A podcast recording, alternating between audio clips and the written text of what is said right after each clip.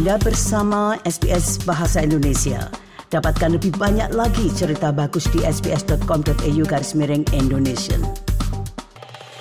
SBS Indonesia bersama dengan Feby Putri. Apa kabar? Baik, hai. Selamat datang di Sydney. Yes. Apakah ini pertama kalinya, no, I mean momen ini pertama kalinya dirimu mampir ke Sydney? Ya, pertama kali momen ini. Dan sebenarnya aku juga nggak pernah merencanakan pergi ke luar negeri kak, nggak pernah tuh merencanakan. Tapi karena musik, aku harus pergi dan ternyata menyenangkan banget. Aku kayak bersyukur banget sih bisa dipanggil. Thank you. Dan fans sebenarnya bersyukur juga kamu salah satu yang dipanggil loh. Karena tadi dari siang uh, ada saya tanya mereka yang datang yang ditungguin salah satunya namamu muncul. Mengapa Feby katanya? Karena lagu-lagunya sesuai banget sama kehidupanku. Ah, sepertinya itu kisaran umur seperti saya ya. Tapi kalau bicara mengenai karirnya Feby, uh, baru mulai 2000 2019 2019 itu single pertamaku Halu. Itu harus dilakukan dari Jakarta tentu dan membuatmu harus hijrah tanda kutip dari Makassar ke Jakarta dan halo, apakah itu memang arahnya untuk halo? This is me and the new kids on the block atau gimana? Um, enggak sih sebenarnya aku apa ya karena ada kata hayal di dalam lagu halu tersebut. Jadi kayak apa ya pengganti hayal judulnya aku nggak mau hayal tapi apa ya? That's it halu. Ya. Bukan juga singkatan dari apa-apa. Bukan bukan bukan apa-apa. Jadi halu. Emang musiknya oke maksudnya kenceng gitu kan ya? Tapi kalau kita bicara lirik hmm, sebentar gitu. Apakah ini emang arahnya sebenarnya uh, melo sedih atau gimana? Sebenarnya aku masih ya ya seperti itu melo, tapi aku masih suka banget nulis lirik seperti itu sih, lirik tentang uh, hidup, tentang pengharapan hidup. Jadi bisa dibilang masih melo sih harusnya dan kebetulan banget di album aku nanti itu bakal ada beberapa lagu yang akustik doang. Emang aku beberapa tuh nggak masukin drum karena emang aku mau nambah meloin lagi sesuai dengan liriknya nanti. Ya. Semakin melo lagi. Semakin melo lagi sebenarnya. Itu karena memang gayanya Feby begitu atau kamu juga melihat hmm, pasar sukanya begitu atau gimana sih? Um, aku aku sukanya seperti itu. Tapi ternyata pas aku lihat-lihat pasar juga seperti itu. Jadi kebetulan matching gitu. Tapi emang aku jujur dari dalam hati emang sukanya lirik seperti itu tentang hidup sih. Bagaimana apa ya? Um, kehidupan dewasa gitu karena aku juga mulai merasakan hidup dewasa di 19 tahun mandiri kan dan itu dewasanya harus ada banget gitu. jadi makanya apa namanya di 2019 aku mulai menciptakan lagu-lagu tentang hidup sampai sekarang dan masih aku suka gitu. Ada banyak hal yang terjadi mulai tahun-tahun itu ya kan uh, pindah mungkin kemudian juga yang biasanya enak di rumah kemudian harus sendirian atau lagu-lagu juga harus muncul karir juga harus paksa tanda kutip like ayo jalan gitu kan ya. Ada banyak hal yang terjadi all at once gitu. Apakah uh, like were you in the good position at that time? Um, ya yeah, I'm okay sih sebenarnya. Tapi um, di 2019 itu benar-benar um, aku ada satu momen di mana di 2019 itu di, di 2018 tepatnya aku pertama kali ke Jakarta itu aku dipanggil label sebenarnya. Jadi dari Makassar aku dipanggil oleh label Jakarta tapi uh, label Jakarta tersebut ternyata tidak satu visi misi sama aku jadi aku harus jalan sendiri. Ya karena aku terbang dari Makassar ke mana? Ke Jakarta karena si label tersebut yang manggil aku.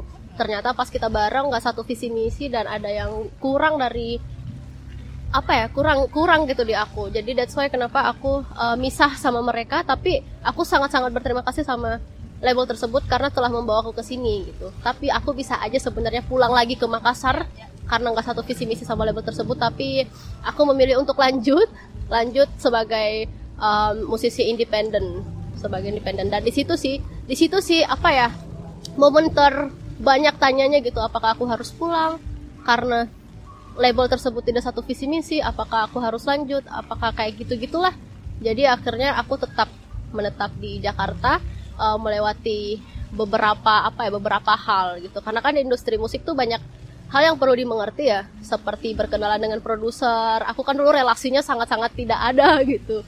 Relasinya sangat-sangat kurang. Jadi pas bertemu dengan apa namanya manajer aku um, dia banyak relasi produser dan lain-lain. Jadinya aku juga jadi kenal gitu loh. Um, temenku Uh, jadi ada satu PH. Satu PH ini adalah isinya orang Makassar semua hampir. Terus sudah itu dia mempunyai teman dan temannya itu berteman dengan manajerku. jadi kayak banyak gitu.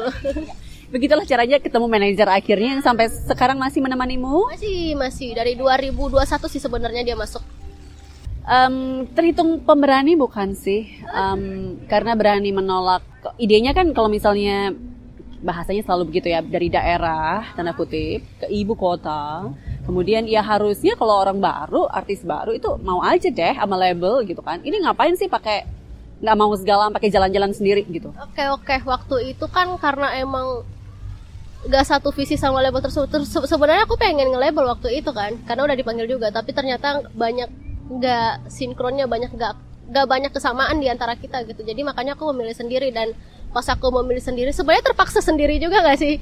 Iya karena emang aku sama label tersebut tidak matching gitu. Jadi aku harus sendiri dan ternyata pas sendiri tuh ternyata nyaman-nyaman aja itu maksudnya kenapa berani like enggak deh gitu. Amin dengan apa ya? Uh, ada ada somehow yang mungkin oh oke okay deh paling enggak uh, saya iyain dulu aja. Kalau nanti saya sudah punya nama, baru nanti dipikir belakangan deh gitu. Uh, Feby enggak begitu. Okay. Karena mungkin pengalaman dari kemarin label kemarin karena udah tanda tangan tanda tangan kontrak tersebut um, dan ternyata tidak satu visi misi. Jadi kayak sekarang udah uh, waktu itu um, ada beberapa tawarin label tapi aku sangat hati-hati untuk tidak tanda tangan sembarangan karena di 18 tahun aku aku seperti itu. Tanda tangan sembarangan ternyata emang nggak um, satu visi misi. Jadi kan ada konsekuensinya juga pas kontrak belum selesai tapi aku harus cabut itu ada konsekuensinya. Jadi dari pengalaman-pengalaman tersebut gitu jadi aku nggak nge-label lagi. Dan ternyata emang lebih nyaman seperti ini. Tapi bukan berarti label buruk ya enggak enggak beberapa beberapa gitu. Akhirnya kamu jalan indie um, kemudian siapa yang bantu untuk menyebarkan suaramu ini? Um, menyebarkan suaraku, aku aku nggak tahu. Ini mungkin bisa dibilang rezeki, tapi rezeki yang luar biasa karena benar-benar pas ngeluarin single halu yang pertama kali itu pertama sekali itu benar-benar langsung boom. Aku nggak tahu kenapa, tapi kayak alhamdulillah banget gitu. Kita nggak ada promo apa-apa, benar-benar nggak ada promo apa-apa. Mungkin karena sebelum ini adalah aku penyanyi cover. Aku penyanyi cover di mana bisa dibilang viewers YouTubeku tuh banyak banyak banget. Aku juga nggak tahu kenapa bisa. Viewers YouTubeku banyak banget. Jadi timingnya pas untuk mengeluarkan single halu. Jadi halu juga keikut naik. Dan pas halu aku udah nggak ngecover lagi. Bantu sekali tidak sih dari social media gitu? Kalau itu iya. Iya pasti gitu. Karena emang kita akhirnya di sosial media kan Iya sih pasti. Kemudian uh, untuk Ryu, um, kamu mengusahakan untuk menulis sendiri, kabarnya begitu. Kemudian nggak mau di, I mean nggak mau pakai lagunya orang. Apakah memang begitu? Iya, sebenarnya aku pengen nge-challenge diri aku sih sendiri. Kalau bisa, um, aku harus tetap menulis sendiri sih. Kecuali sometimes pengen collab, itu baru nulis bareng ya, bukan Sat, iya bukan dituliskan nulis bareng gitu. Tapi emang kalau sampai detik sekarang aku nggak tahu kenapa aku cuma pengen apa ya pengen mengembangkan aku lagi sih dalam menulis. That's why kenapa aku masih terus menulis lirik sendiri dan latihan juga sih sebenarnya sampai jangka waktu kapan pun. Again berarti kan pemberani juga kan? Karena kan ini anak baru gitu kan? Kalau mau enak sebenarnya ya udah pakai aja lagu yang ditulis sama orang-orang itu begitu kan? Tinggal aja nyanyiin nggak juga? Enggak karena hmm, nggak tahu sih kenapa aku aku suka banget senang senang menulis lagu juga gitu dan dan ya aku ingin mengasah terus sih tulisan lirikku. Tapi termasuk untuk komposisi musiknya nggak sih? Uh, komposisi musik tuh kalau di album sekarang, kalau kemarin enggak karena aku masih belajar banget. Kalau sekarang uh, setelah adanya pengalaman uh, pengalaman rekaman, pengalaman workshop dan lain-lain, itu aku udah mulai paham dan di album aku sekarang itu aku ada sebagai produser juga sebenarnya. Tapi um, produser yang apa ya collab gitu loh. Aku aku nge-hire produser tapi sebelum lagu itu sampai di produser aku sudah nge iniin nge apa ngebikin sendiri gitu. Entah itu seperti temponya diturunin itu aku yang minta aku yang aku yang cipta itu. Jadi kayak bisa dibilang produsernya ada dua di lagu lagu albumku nanti beberapa albumnya akan keluar kapan? albumnya akan keluar tahun depan tapi ini lagi sembari jalan kita juga nggak tahu kapan Dan kalau tadi dibilang uh, Sydney ini pertama di uh, Australia, tapi pertama luar negeri nggak sih? Enggak, Malaysia pernah. Ah, ya ya di Malaysia. Aku juga nggak pernah. Aku aku tuh nggak pernah kepikiran ke luar negeri. Kak, aku nggak pernah kayak liburan ah ke luar negeri. Enggak nggak pernah gitu. Karena emang aku takut takut takut. Aku nggak tahu kenapa takut. Aku nggak tahu kenapa. Aku takut. Eh sorry, takut nyasar. Betul takut nyasar. Dan pas nyampe sini ternyata wah biasa aja. Ternyata kita bisa gitu. Dan udah deh dari pengalaman-pengalaman manggung ini aku bersyukur sih aku bisa ke sini karena manggung dan aku bisa sekalian belajar bahwa luar negeri nggak nggak seseram itu gitu. Tapi tahu nggak sih kenapa namamu yang salah satu yang terpilih di antara sekian banyak uh, artis indie misalnya atau yang sedang lagi hot-hotnya di Indo misalnya? Ya ya, aku aku nggak tahu untuk jawabannya, tapi aku malah bertanya itu ke Y- YAG Music kenapa aku gitu, ke Touchdown Fest kenapa aku? Karena katanya mereka suka musik aku. Liriknya deep seperti itu. Aku juga bertanya kak. aku juga nggak tahu kenapa.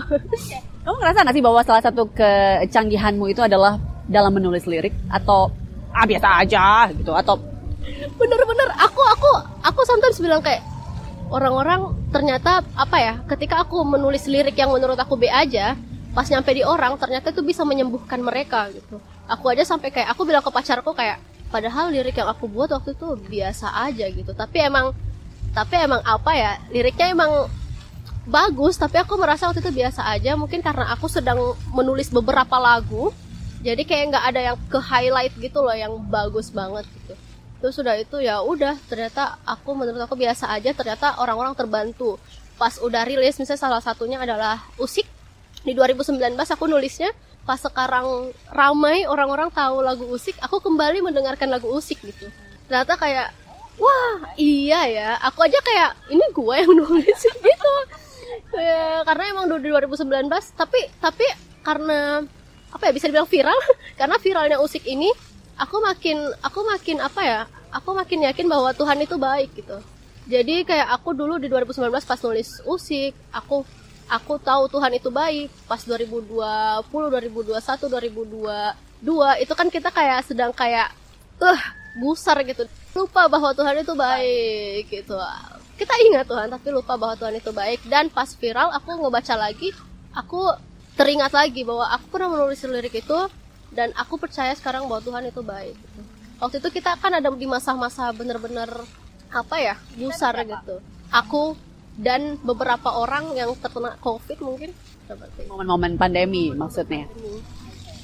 Buat kamu sebenarnya apalagi? Apakah ini titik sekarang eh, di karirmu? Ini apakah uh ini udah lebih dari yang aku bayangkan kemarin atau oh ini belum? Ini salah satunya aja yang aku bayangin tapi nanti akan ada lagi atau gimana? Sebenarnya aku nggak apa ya nggak aku orangnya ngalir aja. Dan kadang membayangkan bisa manggung di luar negeri itu adalah mimpi doang gitu. Tapi aku kayak ah nggak mungkin. Tapi nyata jadi aku nggak apa ya nggak pernah membayangkan jauh sih seperti yang kayak ah ini BA ah, ah, maksudnya ini salah satu dari yang ku mauin gitu.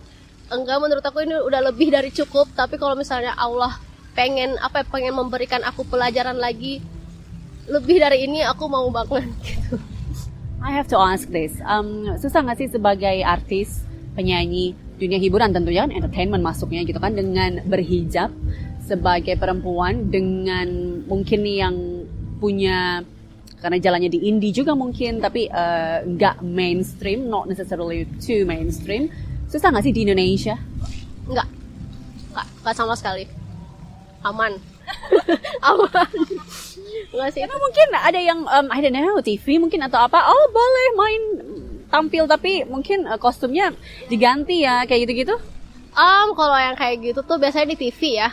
Um, kadang kurang sinkron sama kemauan aku gitu. Entah itu jilbabnya warna merah, warna apa yang kayak gitu-gitu sih sebenarnya. Karena aku juga nggak, um, jujur aku nggak suka pakai baju yang benar-benar ketat, benar-benar ketat. Kalau misalnya heboh seperti ini mah aman ya. Tapi kalau misalnya ketat terus sudah itu jilbabnya juga harus ketat, aku nggak bisa itu karena itu akan akan berpengaruh ke nyanyiku gitu. Dan ada beberapa waktu itu aku seperti itu. Tapi um, ya tawarannya. Tapi dinego lagi bukan tawarannya tapi emang udah udah masuk situ. Iya. Terus dinego lagi akhirnya bisa pakai kostum sendiri gitu. Karena ketika kita apa ya aku selalu nggak pede nyanyi ketika outfitku tidak nggak nyaman gitu jadi itu sih. Jadi what's next for Feby Putri? album di 2024 tapi belum tahu tanggalnya karena sembari jalan aku pengen uh, entah di 10 lagu atau lebih tapi aku pengen 10 lagu atau bahkan lebih. Sekarang masih ngerjain di 5 lagu OTW 5 lagu. Jadi tungguin aja terima kasih banyak. Thank you waktunya bersama dengan SBS Indonesia ya. terima kasih Katia. Terima kasih Anda ingin mendengar cerita-cerita seperti ini? Dengarkan di Apple Podcast, Google Podcast, Spotify, atau di mana pun Anda mendapatkan podcast Anda.